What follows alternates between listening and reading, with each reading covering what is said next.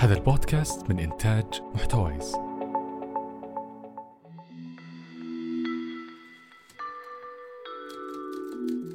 العام 1955 ميلادية. بويد مالت رجل بسيط يعمل في صيانة أجهزة التلفاز يسقط مصابا بسكتة قلبية. شابا بعمر الثالثة والثلاثين. تاركا ابنه رون ذي العشر سنوات مكسورا ومشدوها ومتسائلا. كيف يعمل الزمن؟ كيف يعود بالزمن إلى الوراء ليجتمع بوالده الذي مات شابا؟ بقي هذا الحلم في عقل رون مالت سنوات طويلة. تملكه هذا الحلم حتى استهوى الفيزياء والعلوم الكونية متقلبا بين نظريات آينشتاين تارة ونظريات علماء آخرين حول النسبية والزمن والكثير. حتى أصبح رون كل يوم أقرب بخطوة من هذا الحلم لكنه حتى الآن لم يتمكن من تحقيق هذا الحلم كليا ليتمكن من الانتقال عبر آلة الزمن إلى الماضي ورؤية أبيه مرة أخرى.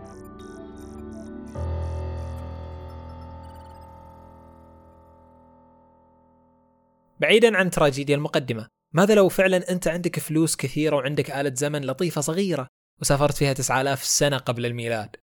بتشوف أشياء غريبة جدا وأنت في خضم ضياعك بين الأشياء الغريبة بيعطيك جسمك الإشارة الرهيبة ويقول لك أنا جوعان يا صاحبي.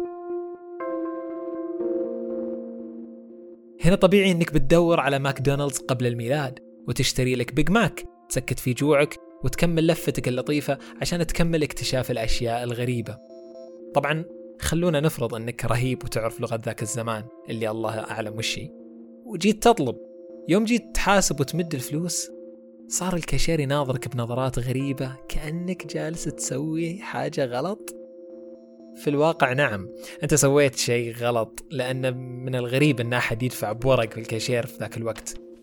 لأن الناس لا زالت تتعامل بما يسمى المقايضة أو المبادلة. يعني عندك مزرعة طماط وجارك عنده مزرعة بصل فتتبادل معه الطماطم بالبصل أو تقايض الطماطم مكان البصل. عاد دور لك شيء تقايض بوجبة بيج ماك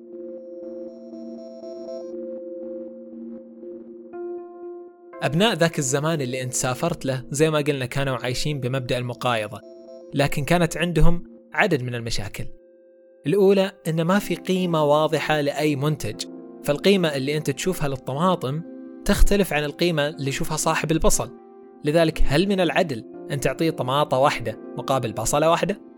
وماذا لو كان في سوسة دمرت الطماطم في ذاك العام وصار الطماطم قليل بالسوق؟ هل من العدل قيمة الطماطة الواحدة تكون نفس قيمتها قبل هجوم السوسة أو طماطم بصلة واحدة مثلا؟ وماذا لو خرب الطماطم كله قبل تبادله مع الناس أو قبل تقايضه مع الناس؟ ماذا لو قررت أنك تقايضه مع منتج آخر نادر مثل الذهب؟ تحتاج تجمع الكثير من الطماطم وتخلي عندك مخزن طماطم. لين يصير عندك قيمة خاتم ذهب واحد تهديه لحبيبتك.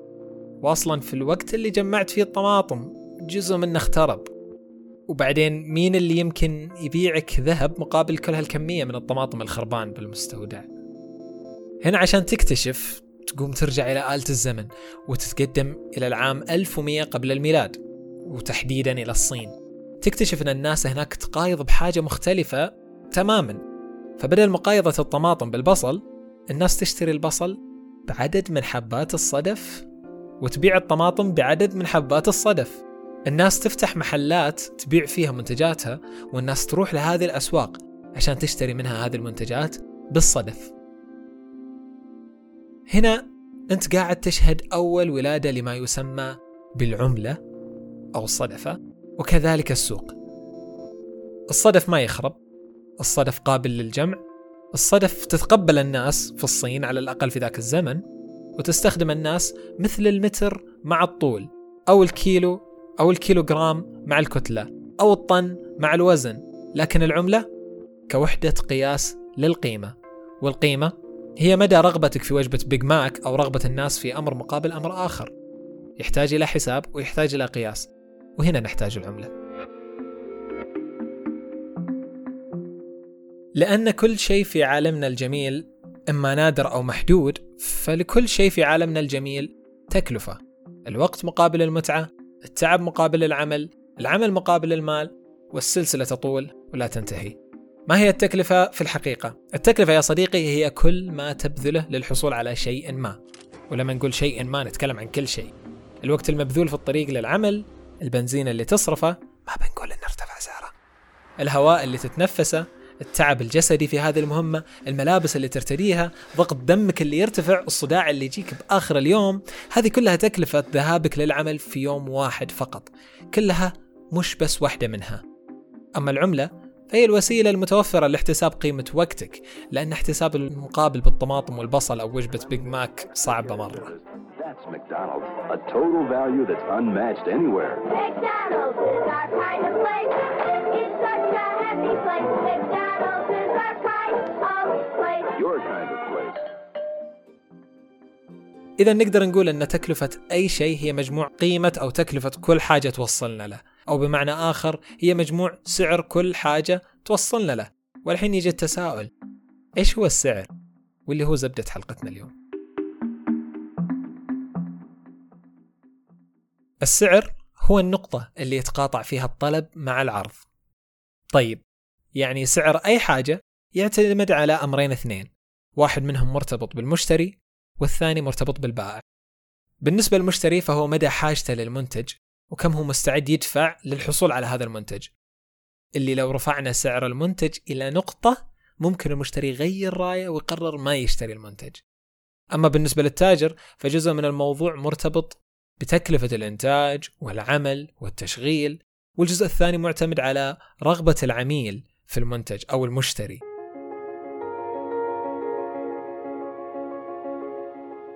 كثيرا حصلت إنك اشتريت كوب قهوة من المقهى المعني بعشرة أضعاف تكلفته لأن صاحب المقهى واثق جدا إنك مستعد لأن تدفع هذا السعر مقابل الكوب الكيوت اللي اشتريته.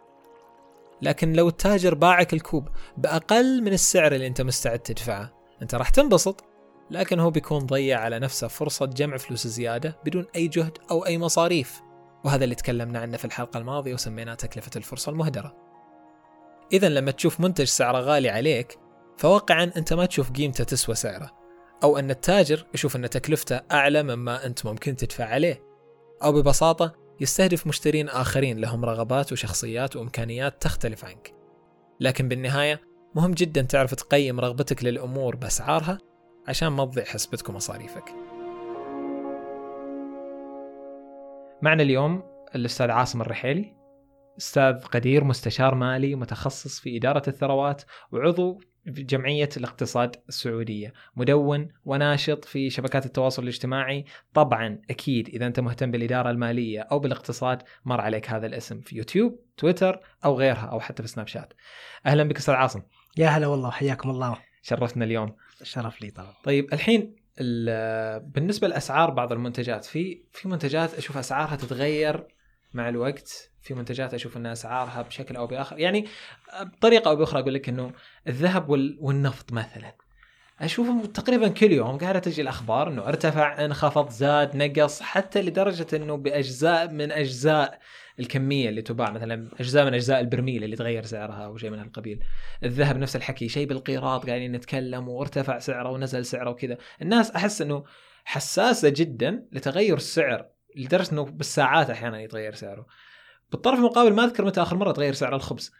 أوكي. فكيف كيف العملية هنا؟ ليه هنا أشوف إنه السعر مرة حساس والناس مرة تتأثر فيه وقاعد يتغير على طول والخبز باقي مبسوط بريال؟ لا ممتاز. سؤالك جدا ممتاز. يعني شوف بالنسبة لأسعار السلع اللي انت ذكرتها هو فعلا هي أسعار تت- تتغير. سوق السلع هذا مفتوح. أسعار الذهب والبترول والحديد والنحاس حتى ال ال القمح. أو يعني والذرة أيضا إي وغيره. نعم. يعني أسعارها متغيرة. لكن بالنسبة لل- للخبز مثلا تقول هنا في السعودية بالرياض طول عمرنا نشوفه بالرياض إيوه. في- في, في شيء اسمه سلع مدعومة. مم. الدولة دائما عندها سلع معينة تكون مدعومة. الدولة تحافظ على أسعارها. الدولة دائما يعني تراقب أسعارها وتحافظ عليها. مم. عندك على سبيل المثال الماء الخبز. هذه من الأشياء الاساسيه الكهرباء أيضا. في أشياء كثيرة عندنا سلع تعتبر سلع مدعومة. الدولة تحاول تحافظ عليها. لأنه مجرد إنها تبدأ يعني هي تكلفتها تتغير. نعم. سعر الخ- الخبز اليوم تكلفة الخبز اللي ناكله إحنا من يوم إحنا صغار لحد اليوم ناكل الخبز ونشتريه بريال هو سعر تكلفته قاعدة تتغير. صحيح. لكن لأن الدولة دعمتها صاير سعره ثابت بالنسبة لنا. جميل جدا. جميل جدا. يعني يعني تبي تقول إنه كأنما الحكومة آه، موفرة لنا مثل ال... مثل وسائد وسائد أمان. في المنتجات اللي نحتاجها علشان نعيش يوم بالضبط هذه تعتبر سلع أساسية مثل الملح مثل مم. السكر مثل الشاي مثل ال- ال- الماء. ممكن هذا يبرر لما يتغير سعر النفط لكن البنزين في السعودية ثابت سعره. أي طبعا الحين البنزين بدات بدأ عملية تحرير سعره أي نعم. وبنصير زي زي الدول برا من ناحية إن السعر يتغير. يعني اليوم تعبي تفلل سيارتك مرة 100 ريال مرة تفلل 120 ريال أيوه بناء أيوة. على السعر. لأن السعر بيصير ما هو ما هو مدعوم. سابقا كان مدعوم. يعني في ناس يقول لك يا أخي إحنا سعر سعر النفط عندنا ال ال ال الأسعار قاعدة تنخفض وإحنا أسعار النفط قاعدة تنخفض وإحنا أسعار البترول قاعد يرتفع. قاعد ترتفع. هو بكل بساطة إن الدولة قالت وأعلنت إنها راح يتم تحرير أسعار بترول أسعار البنزين بشكل تدريجي.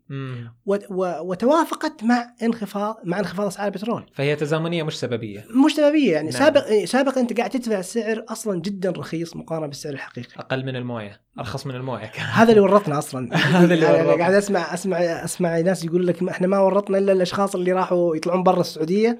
ويقول لك و- البنزين عندنا أرخص من الموية. بالضبط. وخلاص صار على بالهم انه برميل نفط عندي في الحوش. صحيح. آه، اذا إذا موضوع تحرير الأسعار هذا اللي بيخليها هذا اللي قاعد يخليها مثلا ترتفع. تتأثر بالطلب والعرض نقدر نقول بشكل مباشر. طبعا في النهاية أسعار أسعار النفط في العالم مرتبطة بالطلب والعرض في, في. العالم عموما وهذا السوق مفتوحه يعني. نعم نعم. فلو فرضنا جدلا إنه تحرر سعر سعر البترول في السعودية مثلا. سعر البنزين. أو البنزين والديزل. آه وفي العالم كله ارتفع سعر النفط. راح يرتفع سعر البنزين والبنزين فراح يرتفع عندنا. بالضبط. والعكس صحيح. عايشين في هذه الحياة اليوتوبيا اللي إحنا كنا عايشين لا والعكس صحيح أيضا. إذا انخفض أيضا ينخفض السعر. ناخذ. البنزين أرخص. بتاخذ بنزين أرخص نعم. ما راح يتأثر الموضوع في موضوع إنه داخل البلد أو خارج البلد أو حاجة زي كذا. لا لا في النهايه في النهاية النفط النفط زي زي زي أي سلعة ثانية. مم. سعره عالمي. نعم. يعني في النهاية السعر نوعية النفط هذه تنباع بالسعر هذا تنباع في كل العالم بهذا السعر في في كل مكان. طيب مبدأ الطلب والعرض. يمكن هذا أكثر حاجة يتكلموا الكل فيها في. عن الاقتصاد إنه في طلب وفي عرض وفي نقطة تقاطع ما بينهم نسميها نقطة التعادل أو نقطة التوازن أو الكالابريم مثل ما يسمونها. آه، هل هي زي ما نقول موحدة في كل المنتجات؟ هل هي نفس الطريقة اللي تحسب فيها أسعار كل المنتجات نفس الشكل هذا في طريقة الطلب والعرض؟ إن هنا الخط المرتفع وهذا الخط المنخفض اللي نسميه آه، ال- ال- اللي نسميه العرض مثلا. وفي الأخير في نقطة تقاطع ما بينهم. أه، أحس كأن هذه الفكرة نفسها حقت الطلب والعرض كذا نقدر نقول إنها مأخوذة خارج السياق دائما أو معبر عنها بشكل كيف أسميها؟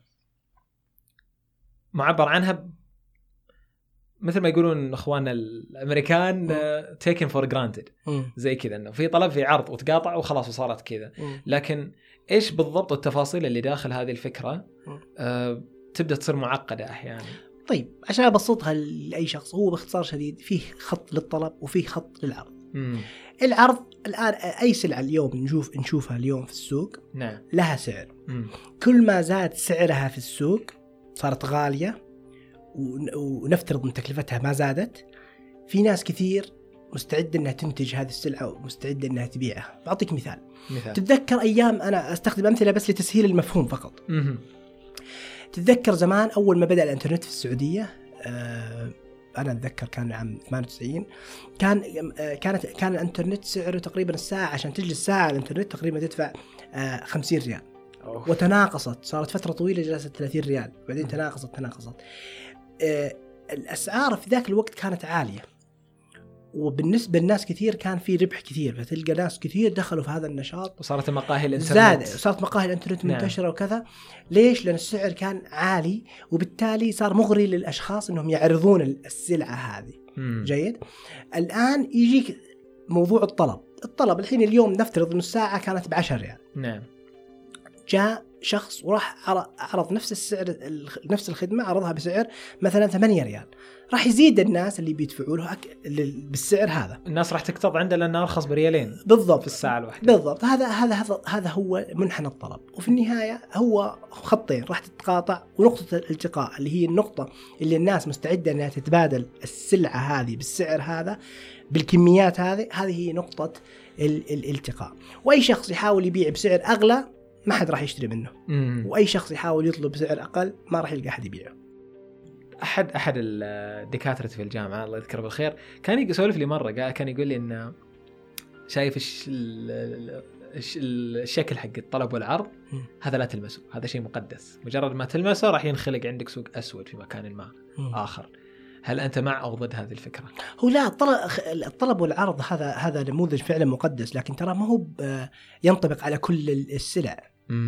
ما ينطبق على كل السلع. فبعض السلع لا شكل شكل منحنى ال- الطلب حقها يختلف. آه، يختلف. تلقاه ممكن عمودي. أها. على سبيل المثال استهلاكك للموية. نعم. ما راح يتغير. لو ارتفع سعره أنا أحتاج معه أنا كمية الماء اللي أنت ولو انخفض سعرها ترى حتى كمية الماء اللي راح تست- تستخدمها واحدة. ما راح تتغير. فتعتمد في السلع مختلفة. نعم. آه، حتى السلع ال- ال- السلع مثلا في السلع العادية وفي سلع مثلا الرفاهية، السلع الرفاهية على سبيل المثال آه، أي سيارة السيارات الفخمة. مم. لو ينخفض سعرها 10% بتلقى الطلب يزيد عليها بنسبة كبيرة جدا. تلقاها هذه من السلع يسمونها اللي يسمونها اليستيك مرنه أها. مرنه لكن في سلع ممكن انت تخفض السعر 10% وتلقى الطلب زاد عليها 5% فهي سلع عادية ما بتعتبر غير مرنة. ما تفرق معك. ما تفرق. فاحنا نفرق بس هو كشكل هو أو كقانون هو قانون قائم وسائد وسواء اقتنعت فيه أو ما اقتنعت فيه هو هو مستمر يعني.